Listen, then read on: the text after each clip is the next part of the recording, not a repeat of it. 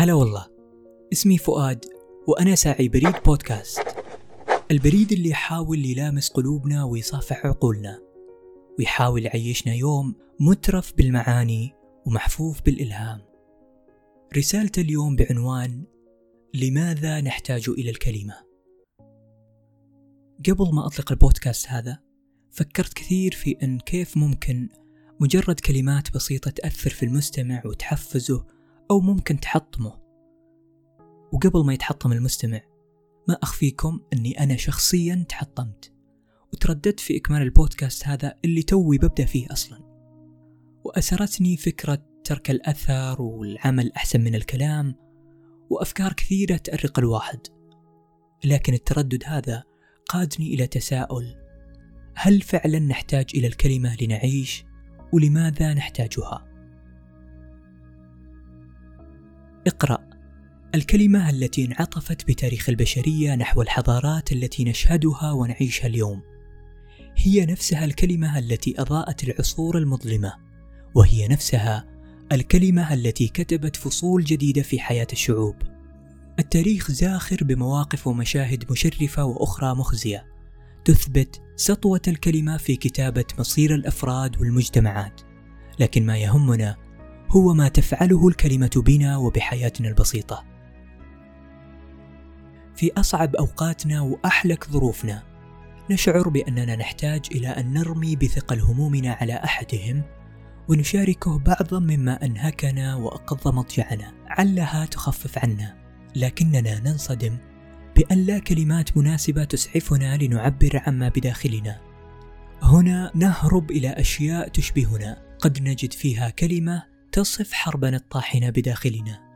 سطور من رواية بئيسة تغريدة عابر آخر الليل كلمات أغنية حزينة حكايا الأصدقاء المترامية محادثات قديمة وأشياء ليست بالضرورة تتعلق بنا لكنها تشبهنا بطريقة ما. وفي الأوقات التي لا نشعر فيها بأرواحنا من خفتها نهب كالنسمة على من حولنا ونحاول مشاركتهم أفراحنا. لكننا أيضا نشعر بأن هناك ما ينقصنا كلمة مناسبة تصف الفرحة التي بداخلنا والكلمة التي بعد أن نسمعها أو نقرأها. نستطيع أن نتنهد ونقول هذا ما كان ينقصنا. فنلجأ إلى التعبير عن امتناننا لمن كانوا سببا في فرحتنا عبر هدية بلا مناسبة أو عزيمة بدون قطة أو مشوار مفاجئ لمكان يحبونه وأشياء تسد مكان الكلمة الناقصة وتسكننا رضا وامتنان. عندما تسافر بلدا لا تعرف لغتها ولا هي تتحدث لغتك أو أي لغة أخرى تعرفها وتتوه بلا استخدام التقنية ستدرك ما كانت تفعله الكلمة في تعزيز تواصلنا كبشر. عندما تبذل قصارى جهدك في عمل ما لتثبت لمن حولك بأنك أفضل ولا تلقى بوجهك إلا سيل من الانتقادات والتحطيم. ستدرك قوة الكلمة في نهشنا وكسر مجاديفنا. وفي المقابل لو وجدت من يبتسم بوجهك وينعشك بتقدير لقاء خدمة قدمتها له ستدرك سحر الكلمة في شحن أرواحنا وتجديد قوانا. إن كان الجسم يضعف بلا طعام والعقل ينكمش بلا معرفة فالروح أيضا تبهت بلا كلمة. لماذا نحتاج إلى الكلمة؟ الكلمة اللي أقصدها هنا هي الكلمة الطيبة والمنعشة بلا شك لأن قاموس عالمنا لم يعد يتسع للمزيد من البؤس والسوء. نحتاج إلى الكلمة لننتشل أرواحنا المنهكة من بؤسها وننفض الغبار عنها ونصحح مسارها. ونعود للحياة من جديد.